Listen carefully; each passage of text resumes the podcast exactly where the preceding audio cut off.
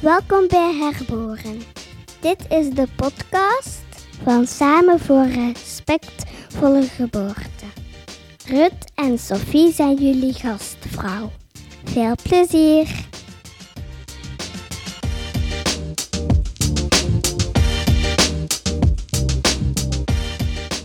Welkom bij weer een nieuwe aflevering van Herboren. Vandaag hebben we weer een hele toffe gast bij ons, Matjaisa. Ze gaat zichzelf zo dadelijk voorstellen. Uh, maar ik stel ook mezelf weer even voor. Ik ben Rut, een van jullie gastvrouwen. Ik ben vroedvrouw en medeoprichter van Samen voor Respectvolle Geboorte. Ik ben Sophie, jullie mede-gastvrouw samen met Rut en medeoprichter van Samen voor Respectvolle Geboorte en ook vroedvrouw. en dus hebben we dan nog Matjaisa. Uh, sta jij je ook even voor? Dag luisteraars, ik ben Matjijse en um, ik ben voetvrouw in Rotterdam. Um, en ik werd gevraagd om hier met jullie nou, te gaan hebben over zelfzorg voor voetvrouwen en mijn werk. Um, en heel leuk om hier te zijn. Yes, super tof dat je dat wilde doen. Ik had u gehoord op Contractions van het Verroede Geluid en daar heb je ook gesproken over zelfzorg. Um, ik dacht, nee, dat, dat moeten we ook gewoon... Wij, ja, we gaan het daar ook over hebben. En voilà. Zo kwam het. Ja, heel leuk. Super tof. Altijd een aanrader trouwens, beste luisteraars, het vroede geluid. Ga daarop maar eens piepen. Een vraag die we aan iedereen stellen, uh, en die ik dus ook aan u wil vragen, Mujaisa, is of dat er in uw leven een moment is geweest dat jij je herboren hebt gevoeld. Uh, zeker ook met betrekking tot die geboortewereld uh, en alles wat erbij hoort. Is er zoiets dat je nu opkomt, of een paar momenten waar dat je aan denkt? Ja, ik, ik moest natuurlijk echt wel even denken. Dat is een leuke vraag. Maar wanneer ik me herboren heb gevoeld. Ja, ik denk het moment dat denk het, het meest bij me opkomt, is dan niet zo heel lang geleden. Um, maar dat was dan uh, dat ik eigenlijk net had gehoord dat ik dus echt afgestudeerd was. Dus dat alle punten binnen waren en dat het gelukt was. Wat best wel een reis is geweest in mijn geval. Um, en dat ik in mijn eentje op vakantie ben gegaan. Uh, en een week op een eiland in Kroatië ben geweest. En ik voelde me daar wel echt herboren. ik. En ja, de rust en zon en uh, dat je weet van het is echt even echt gedaan nu. Dat was wel, uh, ja, dat maakte me wel dat ik me ja, herboren heb gevoeld. Absoluut, ja. Wauw, heerlijk. Ook om die tijd zo even te kunnen nemen na dan die ja. intense studie. Ja, precies. En alleen, het was ook echt een heel goed idee om alleen te gaan. Het was echt heel fijn. Een mooie vorm ja. van zelfzorg. Waar dat we het vandaag ja, over hebben, samen dus. Zalig. Ja. Want je bent dan daarna, na je reis, gestart met je praktijk. Uh, ergens uh, als caseload vroedvrouw. Wilt jij ook even vertellen wat dat betekent om caseload vroedvrouw te zijn? Want in België heb je er niet veel, uh, of ik ken er toch geen. Um, dus als je misschien even wilt vertellen wat dat precies inhoudt. Ja, zeker. Um, dus caseload-verloskunde is um, nou ja, een vorm van verloskundige zorg. Um, waar je als verloskundige dus een, een aantal cases per maand aanneemt. en doordat je dat beperkt, kun je je zorg kleinschalig en persoonlijk houden. meestal, nou, de meeste van ons nemen zo'n vier nee, zwangere mensen per maand aan. Dus bijvoorbeeld nu uh, melden zo'n beetje de mensen zich aan die in april uitgerekend zijn. En uh, daar neem ik er dan vier van aan. En dan is het stop. Um, en dat maakt dat ik tijd genoeg heb om hun te begeleiden. En ook um, nou, dat, dat ik voor hun dus 24-7 op wacht sta. Dus in die zin vraagt die werkvorm uh, wat meer van je als vroedvrouw. Um, omdat je er wel nou, dus mee moet leven dat je dus de hele tijd op wacht staat. Maar je werkdruk is ook wel echt een stuk uh, minder. En um, nou je kunt dus ook echt wel een goede relatie opbouwen met je cliënten. En uh, continue begeleiding bieden. En daardoor kun je ja, in mijn ervaring veel makkelijker aansluiten op hun wensen en de baring begeleiden. Um, en Nou ja, in Nederland is, de standaard eigenlijk een groepspraktijk. Dus waar nou, drie, soms vier, soms vijf of zes, soms wel meer hè, uh, verloskundigen voor cliënten zorgen. En dan zie je als cliënt zelf, zie je dan elke keer een andere voetvrouw. Uh, wat maakt dat je, nou ja, je kan iedereen wel een beetje leren kennen, maar echt een vertrouwensrelatie, daar kun je natuurlijk niet van spreken. En ik denk dat ook die werkvorm voor heel veel cliënten prima is. Maar ik denk ook dat er een hoop cliënten zijn die eigenlijk behoefte hebben aan iets anders. En dat vind ik ook zo leuk aan nou, verloskunde. En wat ik hoop waar we meer naartoe kunnen. Dat, er dus, dat we meer die variatie kunnen omarmen. En dat we hè, dat nou, op ieder putje past een dekseltje. En ik denk dat dat in de verloskundezorg ook zo is. Ik denk dat er cliënten zijn die helemaal niet zo'n behoefte hebben aan een caseloader. Of hè, die consulten van een uur lang, die denken, ja, joe. Doe mij maar dat kwartiertje. Um, en andersom. En dat het helemaal prima is. Een kwartier? Is, is een verloskundige groepspraktijk een kwartier consultatie? Gemiddeld, ja. En je hebt ook wel uh, praktijken die wat ruimer nemen, 20 minuten of een half uur. Maar er zijn ook praktijken die 10 minuutjes nemen. Wauw. Ja. Dat is dan, zoals bij ons bij de gynaecoloog, heb je ook ongeveer ja, 10 minuten per consultatie. Maar in Nederland gaan de vrouwen ook meer naar de, de verloskundige dan, uh, in plaats van naar de gynaecoloog standaard. Hè. Dus ik, ik veronderstel ook dat er veel meer vraag is naar opvolging door verloskundigen in Nederland dan sowieso al in Vlaanderen. Mm. Ja. Oké, okay, dat vind ik wel interessant. Ik wist dat niet. Ja, grappig. Ja, jullie, um, hoe lang hebben jullie dan verconsult? Ja, ik neem een uur. En ik denk dat wij officieel vanuit het RISIF, dat is dan hetgene dat bepaalt hoe lang de consultaties duren, wat dat we kunnen vragen en dergelijke, is het een half uur voor een zwangerschapsconsultatie en een uur voor de eerste. Ja. Maar ik neem wel echt gewoon altijd een uur. Ja. Dat staat me vrij natuurlijk. Hè. Ja, ja, precies. Dat vind ik ook wel heel fijn om dat uur te hebben. Ik heb dat ook nodig. Um, ja. ja, om ergens te geraken. Hè? Ja, ja. En dus hè, die langere consulten, dat is ook iets wat we dus eigenlijk praktisch uit eigen zak doen. Want um, hoe de um, financiering is opgesteld, is daar, uh, daar is geen financiering voor. Dus ja, dat is, uh, ik denk, ja, ongeveer een hoop van het werk als caseloader. Dat, dat doe je dus echt eigenlijk voor jezelf en voor, um, omdat het zelf fijn werk is en omdat je er meer voldoening uit haalt en omdat je gelooft dat het betere resultaten geeft. Um, maar ik denk een hoop van de tijd die we investeren, daar krijgen we eigenlijk niet voor betaald. Dat is dan ook wel heel herkenbaar voor de meeste vroedvrouwen in de eerste lijn. Mm. Um, want ook onze postpartum consulten, een huisbezoek is eigenlijk ook een half uur. Maar een borstvoeding begeleiden op een half uur. Allee, ja. ik krijg het niet gedaan. Laat staan een volledige voeding geobserveerd. Dat duurt zelden maar een half uur. dat alleen al.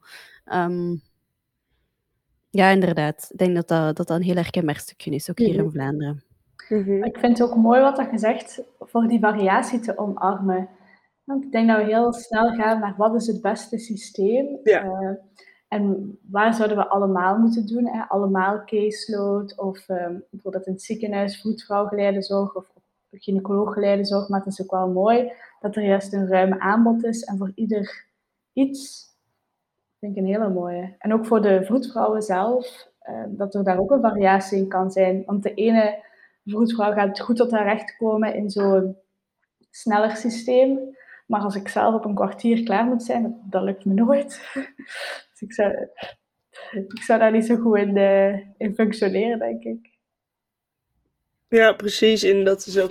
Eh, nou ja, dat zou ik gewoon op heel veel gebieden in de verloskunde zou ik het gewoon heel erg waarderen als we minder van dat, um, nou ja, best wel binair denken van, hè, nou, zo is het goed en zo is het fout. Hè, nou, fysiologie is helemaal hoog en alles een ruggenprik, dan is het nou, minder goed. Uh, maar ja, dat is gewoon helemaal natuurlijk niet waar. En het is veel genuanceerder en Um, ik denk ook daarin hè, gewoon zorg op maat en kijken wat iemand nodig heeft. En hoe fijn is het dat zoveel mensen zo verschillend zijn. En dat wij dus als zorgverleners zijn wij dus ook gewoon mensen. En uh, ik denk dat al die verschillende mensen elkaar echt wel gaan vinden als er dus meer ruimte voor komt. en ik zou dus ook heel graag wel zien dat wat ik nu wel langzaamaan meer zie, dat cliënten meer bewust gaan zoeken naar een zorgverlener. En meer bewust gaan nadenken van, hé, hey, maar wat past eigenlijk bij mij? Um, ik denk dat heel lang hier was wel echt gewoon de standaard, nou, je googelt je postcode en verloskundige. En hop, je schrijft je in. En dan gaandeweg denk je, hmm, dit is eigenlijk niet zo lekker. Um, en ik denk wel dat het gewoon mooi is als je meer gaat kijken van, nou, goh, wat heb ik eigenlijk nodig en wat past bij mij? En um, als dat ja, een verloskundige is die gewoon tak, tak, tak in 10 minuten je controles doet, die staat weer buiten. En je kan daarna weer terug naar je drukke baan. En dat is voor jou oké. Helemaal prima, denk ik. Ja, ik, ik, ik heb in Brussel soms um, mama's uit Nederland. Oh. En ik ben echt heel blij dat je mij dit allemaal vertelt, al is het maar in die uh, hoedanigheid, want nu begrijp ik ook beter wat zij bedoelen als ze zeggen dat de zorg zo anders is, en, en ik wist wel dat dat zo was, maar in detail natuurlijk niet helemaal. En hetgene wat zij dan inderdaad ook horen is, ja, we werden gewoon naar de gynaecoloog gestuurd en toen bleek er ook zoiets als een vroedvrouw te zijn. En, maar wat doen jullie dan? En is dat dan zoals een verloskundige bij ons? En nu weet ik toch al een beetje meer waar de vergelijking zit. Maar ook daar is het echt heel herkenbaar van, ik wist niet dat er een andere optie was als ouder. Ik wist niet dat er vroedvrouwen zijn die zelfstandig werken of gynaecologen die anders werken of, of wat je dan ook mocht nodig hebben. Ehm, en ik denk dat dat een hele belangrijke is, dat we ouders kunnen informeren over wat is eigenlijk het zorgaanbod? Wat, wat zijn al uw opties? Mhm. Heel droog. En, en zoek maar wat bij u past. En je mocht veranderen doorheen uw zwangerschap. Dat is een beetje een taboe, blijkbaar. Veranderen doorheen uw zwangerschap. Maar dat mag. Ja, ja. Absoluut. Ja, ja precies. En Um, en ook voor ons professionals. Hè, um, nou ja, als we weer terugpakken op zelfzorg, denk ik ook dat er. nou ja, zo hier is dat wel. Het is gewoon een standaard reguliere verloskunde. En nou, daar ga je dan gewoon in eigenlijk. En um, nou, als ik. ik heb best wel veel praktijken van binnen gezien vanuit stages. En dat, dat ik echt zo, echt wel vaak heb, heb gekeken en gedacht van Um, vind je dit echt leuk? Hè? Of dat je ziet uh, nou, collega's die gewoon ja, zwaar overwerkt en daardoor ook um, nou, op een bepaalde manier op mensen reageren, omdat je gewoon ja, niet, ja, gewoon niet de ruimte hebt om voor iedereen plaats te maken. Um, en het gewoon veel te druk heb. En dat, dat ik daarom, daarin ook wel graag zou zien. Dat, hè, zo, zoals dan zeggen van, nou die cliënten, je mag echt wel overstappen, dat is oké. Okay. Dat ik ook wel denk van, nou, god, het is ook echt oké om te denken van, joh, ben ik eigenlijk gelukkig in deze werkvorm? Kan ik echt mijn vak uitoefenen zoals ik eigenlijk graag zou willen in deze werkvorm? En uh, als dat niet zo is, nou, god, waarom zou ik het niet gewoon anders doen? En dat, dat gelukkig denk ik wel dat de, nou, voor mijn gevoel is caseloadverloskunde nu wel um, iets wat meer meer collega's trekt. En het is ook wel, denk ik, iets wat voor veel collega's spannend is. Nou, de hele tijd op wacht staan. Zorg voor kleine kinderen daarbij misschien. Uh, maar het is wel heel leuk dat. Nou, de meeste collega's staan wel heel erg open om met um, andere collega's die misschien twijfelen daarover te praten. Of om uh, tips te geven. En uh, nou, er is een heel supportnetwerk als je eenmaal die keuze maakt. En dat is wel heel fijn. Maar um, ja, dat ik dat ook wel eens heb gedacht van, goh, weet je, waarom, waarom ja, blijven we zo hangen in een werkvorm die, nou, kan ik me heel goed voorstellen, soms voor zowel cliënt als zorgverlener niet heel, um, heel passend is. Ja, en, en voor mij klikt het ook eh, als je daarover praat. Wij zeggen soms, uh, we hebben al gezegd van fysiologische geboorte is niet gelijk aan respectvolle geboorte. En dat heb ik altijd gezien als iets, uh, ja, wel een, eerder een boodschap naar de zorgverleners toe, maar vooral over hoe dat ze naar de ouders toe uh, zich opstellen, maar eigenlijk ook hoe dat ze zich opstellen naar zichzelf toe, klikt het nu in, in mij. Uh, dat het hoeft geen bevalling zonder ruggenprik bijvoorbeeld te zijn om geslaagd te zijn, maar juist een begeleiding op maat van uzelf als zorgverlener en van de ouders die voor u zitten. Dus daar was ik nu even daarbij nog aan, aan denken dat ik dat ook wel een hele mooie vind. Um, als je een vroedvrouw bent die heel graag werkt op uh, de intensieve dienst, kijk goed dat er vroedvrouwen zijn die daar heel graag werken. En dan past je helemaal niet in, uh, ja, in, in, in een andere setting waar dat over, juist over die fysiologie gaat.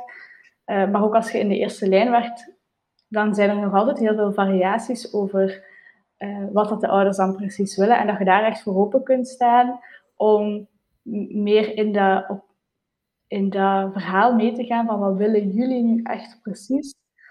Eerder dan dat je iets probeert op te leggen van dit is ons ideaal plaatje, dus daar proberen we voor te gaan. En, en als je dan ook merkt van wat deze ouders hun ideaal plaatje is, past totaal niet bij waar ik goed in ben, dat je daar dan ook die communicatie over kunt hebben en, en die doorverwijzing kunt maken. Ja, nee, heel interessant. En dat, dat is ook waarom ik het leuk vond uh, dat jullie hierover willen, wilden praten. Omdat voor mij dan, nou ja, zelfzorg voor zorgverleners, uh, vroedvrouwen, maar het gaat natuurlijk veel verder dan alleen ons. Hè, ook gynaecologen, artsassistenten. Omdat het voor mij zo raakt aan respectvolle geboorte. Hè? Um, omdat voor mij hè, ja, de mate waarin we ongelooflijk slecht voor onszelf zorgen.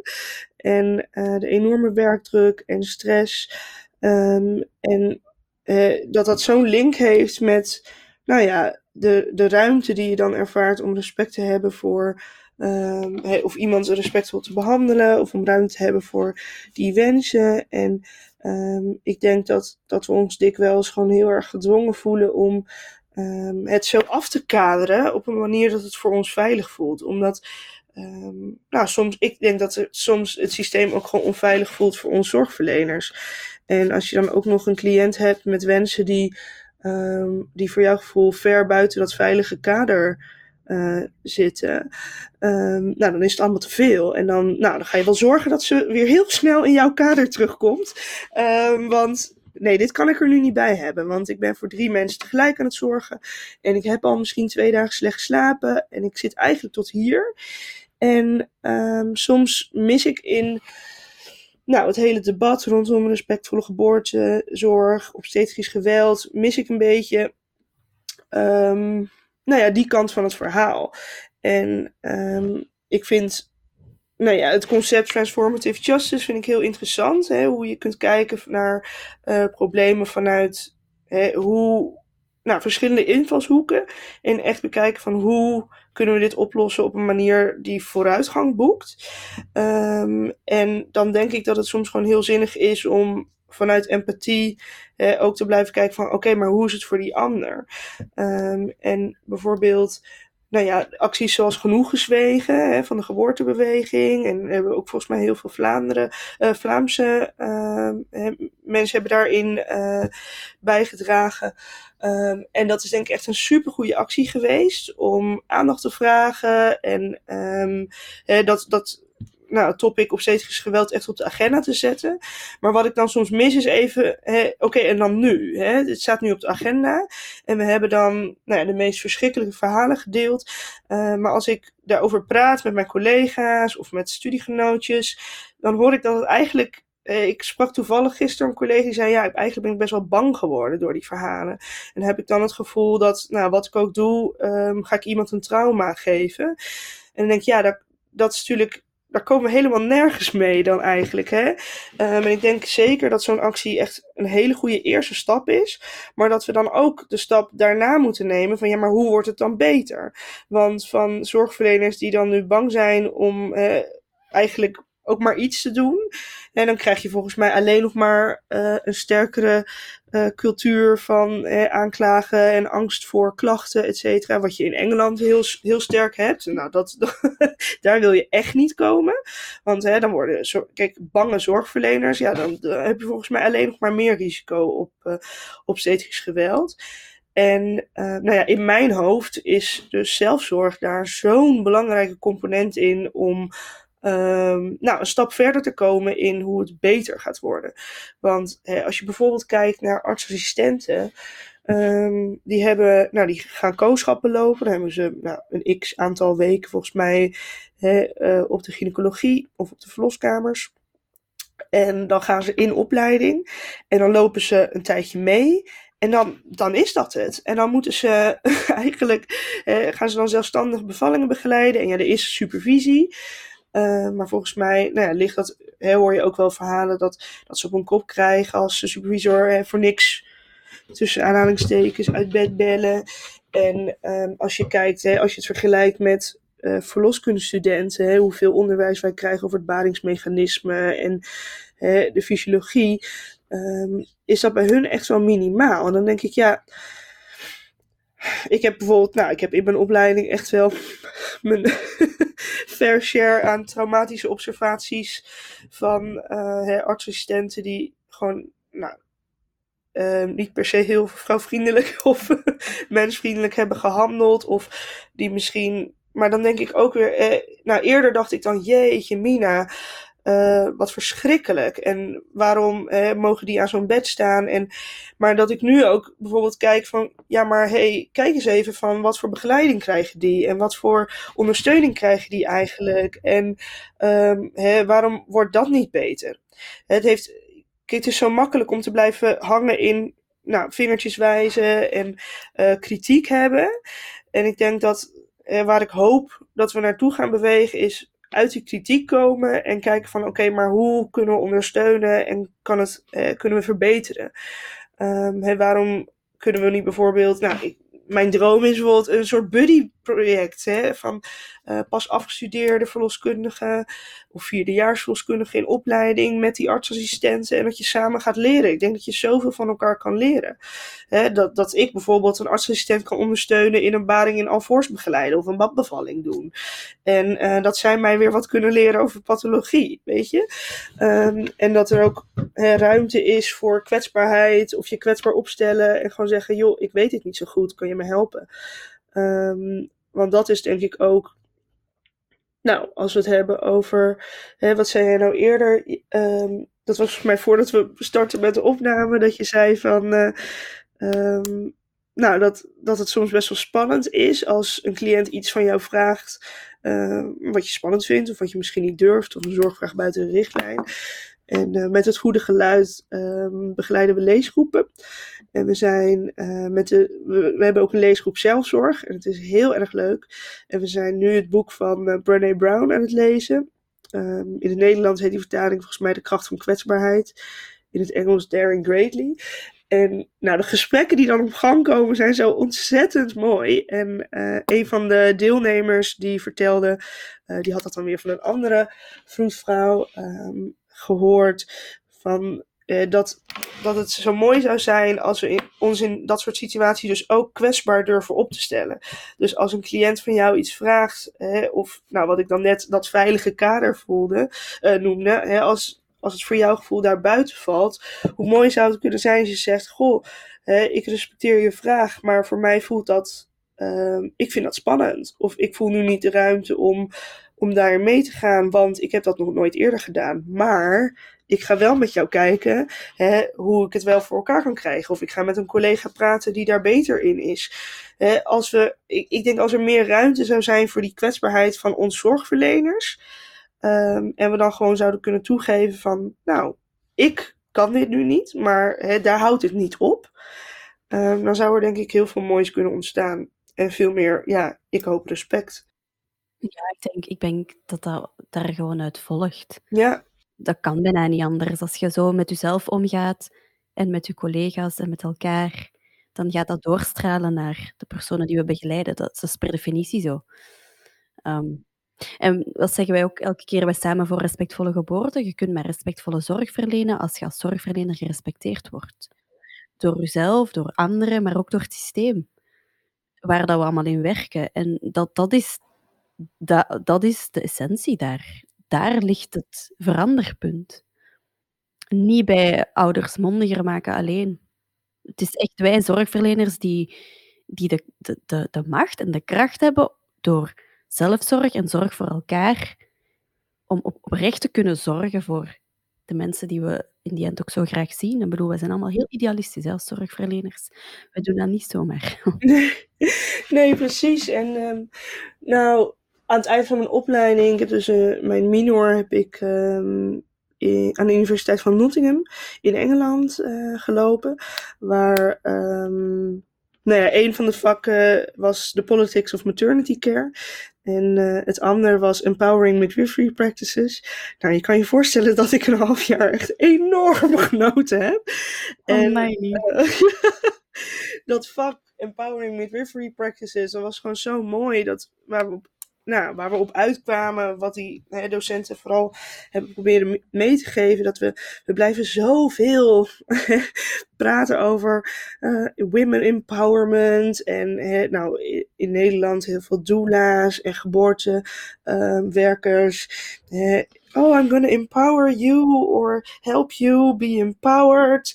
En um, nou ja, eigenlijk is dat natuurlijk een beetje onzin. Want als je daarover praat, dan impliceer je eigenlijk ook dat dat empowerment iets is wat jij diegene gaat bieden. Um, dus dan in essentie eigenlijk primair, dan ben je niet empowered. En dan moet ik jou dat geven. Wat mij dan als zorgverlener weer eigenlijk te veel macht geeft. Um, en wat eigenlijk, nou, wat eigenlijk is waar het over gaat, is dat wij als zorgverleners onszelf moeten empoweren. als we het bijvoorbeeld hebben over die zorgvragen buiten de richtlijn of dingen die we spannend vinden, dat wordt dus nu heel erg bij de cliënt gelegd. Dus hè, nou, als ik dan, nou, wat je bijvoorbeeld nu ziet, nou, ik vind een bevalling in alvors uh, begeleiden spannend. Ik heb dat nog nooit gedaan, dus je gaat op je rug bevallen. Um, terwijl eigenlijk is dat dus helemaal niet het probleem van die cliënt. Maar is het mijn probleem? En ik moet gaan zorgen dat ik mezelf empower en mezelf ontwikkel, zodat ik dat anders kan doen. En als, als dat te kort dag is en je staat er al, nou, dan moet je een collega vragen. um, maar het is natuurlijk eigenlijk van de gekke dat, hè, dat uh, onze gebreken het probleem worden van zwangere en barende mensen. En dat is gewoon echt doodzonde. Uh, dus ik denk nou, de boodschap daar was empower yourself, uh, zodat, hè, zodat je cliënt empowered kan blijven, zodat, ze, hè, zodat die cliënten in hun kracht kunnen blijven, want die kracht is er. Hè. Ik denk dat we veel meer moeten uitgaan van die kracht en niet, hè, oh, we need to empower uh, pregnant people. Ja, nee. Ik denk dat, dat we heel veel in ons handelen die kracht juist weghalen. En mensen uit hun kracht halen. En daar moeten we iets aan doen. Ja, absoluut. Ik wou het juist zeggen, ik denk dat wij als zorgverleners eerder kracht afnemen door onze handelingen en lang niet altijd bewust, integendeel. Maar dat we dat wel ergens meegeven van, ik ben, leg uw leven maar in mijn handen en dat van uw kindje. Ik, ik ga wel voor jullie zorgen. Ik weet dat dat echt vanuit een hele mooie, pure intentie komt. Maar eigenlijk heeft dat een omgekeerd effect. Precies, precies. En het, het is denk ik ook en um, nou ja, dan was het ook dat, nou, het andere vak van die Politics of Midwifery, waar we echt um, vanuit historisch perspectief, dus eigenlijk, nou, we, begonnen ook met een, uh, het maken van een uh, historische tijdlijn van de ontwikkeling van verloskunde, nou, in Engeland specifiek dan. Maar het is natuurlijk ook heel interessant om um, te kijken van in het land waar je werkt, van hoe, wat is eigenlijk de ontwikkeling van mijn vak geweest? Hè? Wat maakt eigenlijk dat we nu zijn waar we zijn? Welke ontwikkelingen, welke beleidsbeslissingen um, hebben gemaakt dat we nu hier zijn? Weet je, wat is eigenlijk het juridisch kader van mijn, uh, van mijn uh, vakgebied? En um, als je dan gaat kijken, uh, dan zijn natuurlijk in, in zoveel landen en in Nederland, nou ja, is het misschien dan nog wel beter dan in andere landen, maar absoluut niet, niet ideaal. Dan zijn we natuurlijk als. Um, ja, kun je natuurlijk ook in zekere mate spreken van disempowerment van, uh, van voetvrouwen. Um, maar ja, dat is wel iets waar we bovenuit moeten stijgen en kijken van, maar hoe kunnen we dat zelf terugpakken? En niet ja, als een kapoentje op onze rug blijven liggen en dan maar hè, die cliënten dat op laten lossen door nou ja, hun in ons veilige kadertje weer terug te duwen. Het is ook een heel breed probleem natuurlijk. Hè. Mm -hmm. niet alleen, alleen, de meeste verloskundigen en vroedvrouwen zijn vrouw. En dat gaat ook heel lang terug. dat we naar onszelf kijken. Hoe er met ons omgegaan werd. Um, ja. Maar even goed voor uh, artsen hè, is die, die zelfzorg echt, echt ontbrekend uh, voor een groot stuk alleen de opleiding al tot arts is zo heftig. Um, En dan het assistentschap, het stagiairschap, ook heel intensief. De, de uren, de werkdruk, de, de sfeer eventueel ook, uh, zal wel een beetje afhankelijk zijn soms. Uh, de hiërarchie die daarin zit, ik denk dat dat, dat is zo zwaar. En dan die enorme hoeveelheid uh, aan ouders die ze begeleiden vaak, gecombineerd met echt het, gevoel en ook voor een deel het juridische, uh, de verantwoordelijkheid die ze daarin dragen voor leven en dood, constant voor zoveel mensen, dat is gewoon, dat is niet te doen. Ik denk dat het echt een prestatie is voor gynaecologen en andere artsen als ze wel respectvolle zorg op maat kunnen geven binnen dat kader. Dat is echt, dat wordt heel moeilijk gemaakt. En ik denk dat we daarvoor ook echt uh, empathie moeten hebben en dat we daarin ook de oplossing voor een groot deel binnen, binnen het probleem van uh, moeten gaan zoeken. Hè, voor, uh, voor de artsen en voor uh, andere zorgverleners. Dat er voor hun ook, zoals we al gezegd hebben, hè, in de eerste plaats veel meer ondersteuning moet zijn. En wat jij nu zo mooi beschreven hebt met Jaisa, want wij zaten de hele tijd keihard te knikken en, uh, en heel veel ja te denken gewoon. In mijn hoofd was zo, ja, ja, ja. uh, wat, wat dat jij verwoord hebt, is ook waar dat wij al een keer in beelden hebben proberen te, te gieten door een tekening te laten maken van hoe dat ons idee is van respectvolle zorg. En dat is dan een zwangere van boven met rond haar zorgverleners die haar ondersteunen, die, die samenwerken over die handen vasthouden. Uh, de gynaecoloog, de verloskundige, um, de doula, iedereen die erbij te pas komt, die, staan daar samen rond haar. Um, en dan daaronder staat er nog een laag ondersteuners voor de zorgverleners die hun handen omhoog houden om hun ja, te dragen en, en mee te steunen op kleine manieren, door bijvoorbeeld als partner van een zorgverlener ook een keer mee uh, het eten klaar te maken, s'avonds kleine dingen, maar ook het beleid uh, dat daar ondersteunt, ook het financiële, dat daar ondersteuning is. Ik denk dat dat nu ook een grote barrière is voor um, zorg op maat, is vaak ook het financiële uh, aspect van als ik nu zoals we al zeiden, als ik nu een uur de tijd neem, dan doe ik dat uit eigen zak. Terwijl dat als ik vier um, koppels zie op een uur tijd, ja, dan heb ik wel vier keer zoveel verdiend. En ondertussen heb ik ook wel mijn gezin en wil ik ook het beste voor hun en voor mezelf. Dus dat is, dat is een heel moeilijk evenwicht. En je kunt, je kunt niet juist doen daarin rond zelfzorg. Hè? Want aan de ene kant is het zelfzorg om te zeggen, nee, ik neem mijn tijd.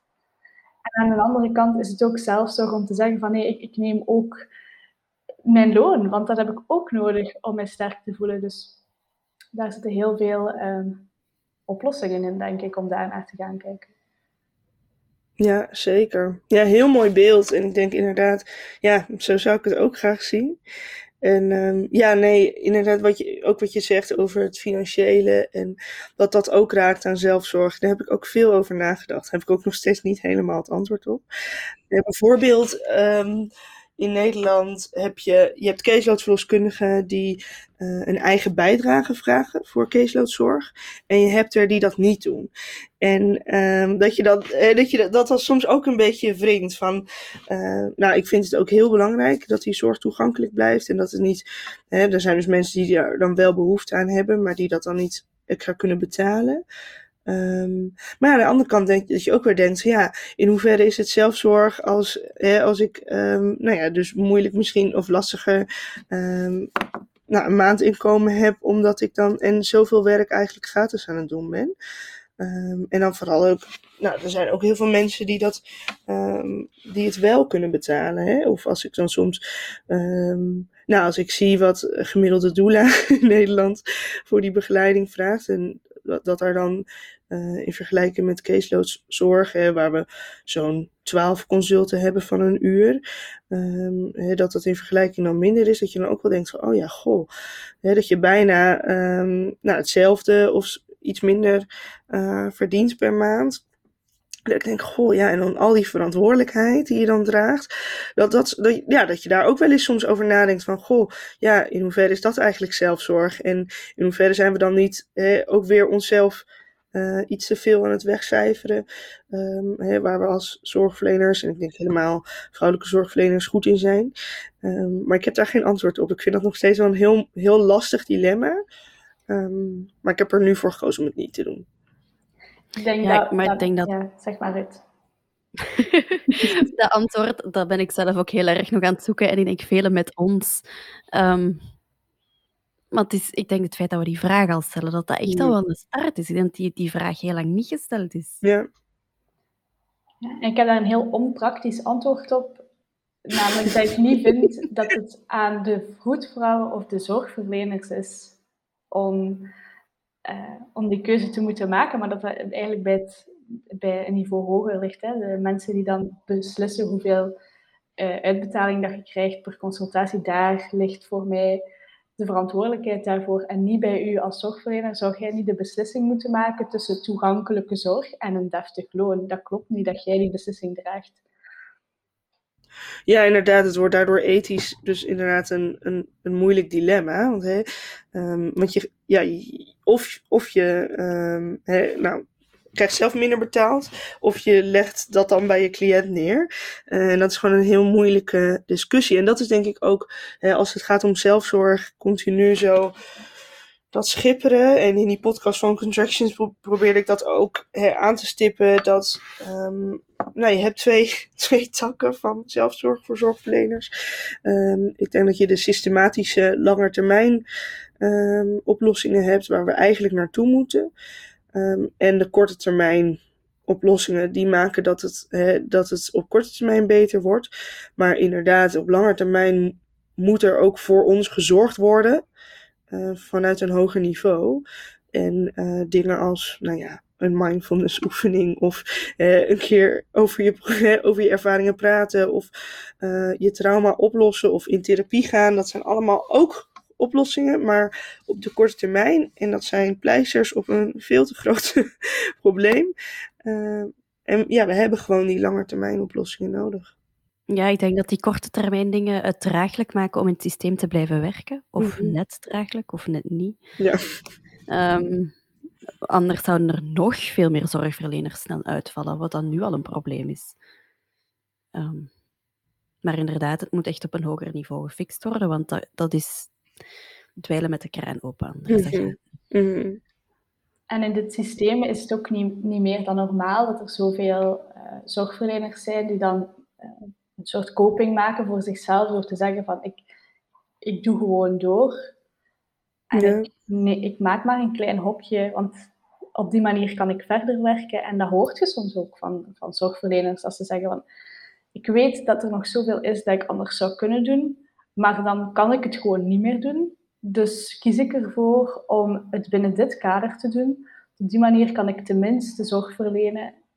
Uh, en daar zijn de ouders dan al meer mee geholpen dan als ik gewoon volledig uitval of het niet meer kan dragen. Ik denk dat dat voor veel zorgverleners ook uh, een evenwichtsoefening is.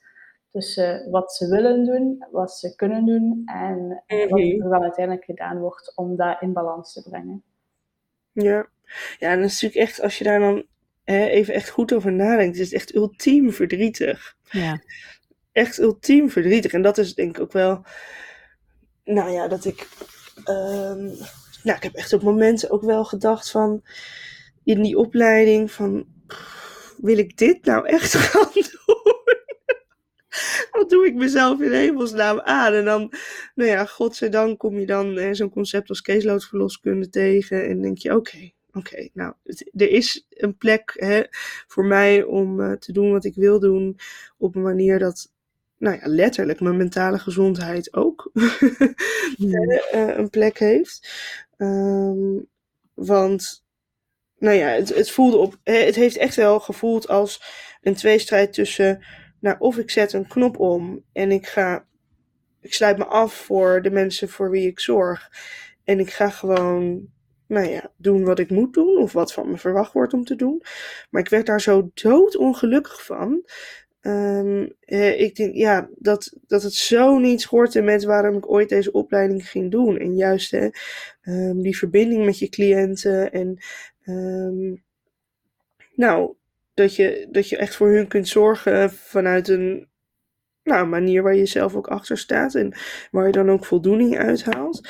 En ehm, ja, en dat, als daar, ik heb wel stages gehad waar daar gewoon echt geen ruimte voor, voor was. In een hele drukke praktijk. En um, ja, dat, dat, dat vond ik, dat, dat wringt dan zo erg. En um, dat, dat zie je. Is ja, gelukkig wordt er ook steeds meer onderzoek naar gedaan. Maar dat er ook wel, dat dat dus iets is waar, wat het onderzoek ook laat zien. Dat uh, heel veel vroedvrouwen, nou internationaal, uh, dus in heel veel verschillende landen is er onderzoek naar gedaan. Uh, dat, dat dat dus is waar, waarom er zoveel uitval is. Hè? Het gebrek aan, nou ja, ze noemen het dan vaak job satisfaction, dus voldoening uit je werk krijgen. Um, omdat, hè, dus nou, het meeste onderzoek wat er is gedaan is dus onder voetvrouwen geweest.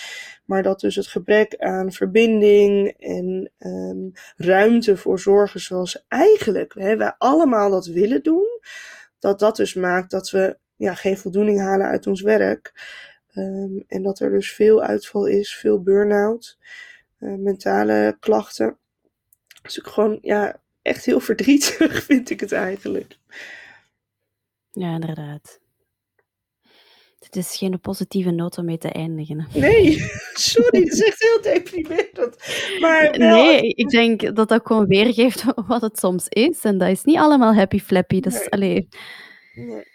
Maar er is denk ik dus ook wel, als, als het bewustzijn hierover meer groeit, is er dus ook heel veel ruimte voor verbetering. En hè, um, als we gaan beseffen dat door voor onszelf te zorgen we veel beter voor anderen kunnen zorgen. Hè, en dat, dat hier dus mogelijk een, een ruimte is voor een stap vooruit, dat dat dus ook wel een heel positieve noot kan zijn. Hè, als je, ja, ik denk dat dat ook het antwoord is op onze laatste vraag altijd. Hoe kunnen we gaan naar meer respectvolle zorg? En daar heb je net antwoord heel mooi gegeven in enkele zinnen. Of een antwoord. Het antwoord, dat, dat bestaat niet op deze vraag. Ja, nee, een antwoord. Nee, wat mij betreft um, gaan we naar respectvolle geboortezorg door onszelf als zorgverleners te empoweren en voor onszelf te zorgen, zodat ja, we ruimte hebben om voor de ander te zorgen. Heel erg bedankt met Joyce, want we hebben echt heel de tijd zitten knikken en ik ben zo blij dat we het hierover gehad hebben. Want dat is echt wat we willen doen met Samen voor Respectvolle Geboorte. Is net niet vingerwijzen, maar echt gaan kijken naar wat heeft iedereen nodig. En echt dat vertrouwen hebben in, in de goede intenties ook um, van iedereen om respectvolle zorg te bieden. Um, en ik denk dat we daar nu wel echt heel mooi over gepraat hebben. Dat we daarmee ook echt een boodschap kunnen geven aan uh, vroedvrouwen, doulas, gynaecologen, uh, iedereen die, die hiermee werkt, van dat we niet willen vingerwijzen en dat je je kwetsbaar mocht opstellen. En ook binnen de besloten groep, uh, bijvoorbeeld van Samen voor Respectvolle Geboorte, zien we dat ook. Dat, dat daar echt die, die vragen in komen af en toe. Hè, van hoe moet ik hiermee omgaan? Want het wringt en ik wil het wel goed doen, maar dat is moeilijk. En daar willen we heel veel ruimte voor creëren. Mooi. Alright. Dan gaan we het bij deze afronden. Ja, jullie ook. Merci om hier te zijn. En beste luisteraars, op het einde van deze aflevering horen jullie nog eens waar jullie ons kunnen vinden. Wilt jij nog voor jezelf iets vertellen, Matthijs, waar mensen u kunnen vinden of kunnen contacteren? Um, je kan mij vinden op Instagram. Um, het is Majaisa en Voetvrouw. Um, dat is ja, de website voilà. online, maar dat is work in progress. Prima, ik voeg het toe in de beschrijving, dan kunnen ze u makkelijk terugvinden. Um, en contacteer ons zeker als jullie vragen hebben, beste luisteraars. We staan bijna te springen om de dialoog te kunnen starten, dus uh, heel welkom. En graag tot een volgende keer. Dag. Doei. Bye.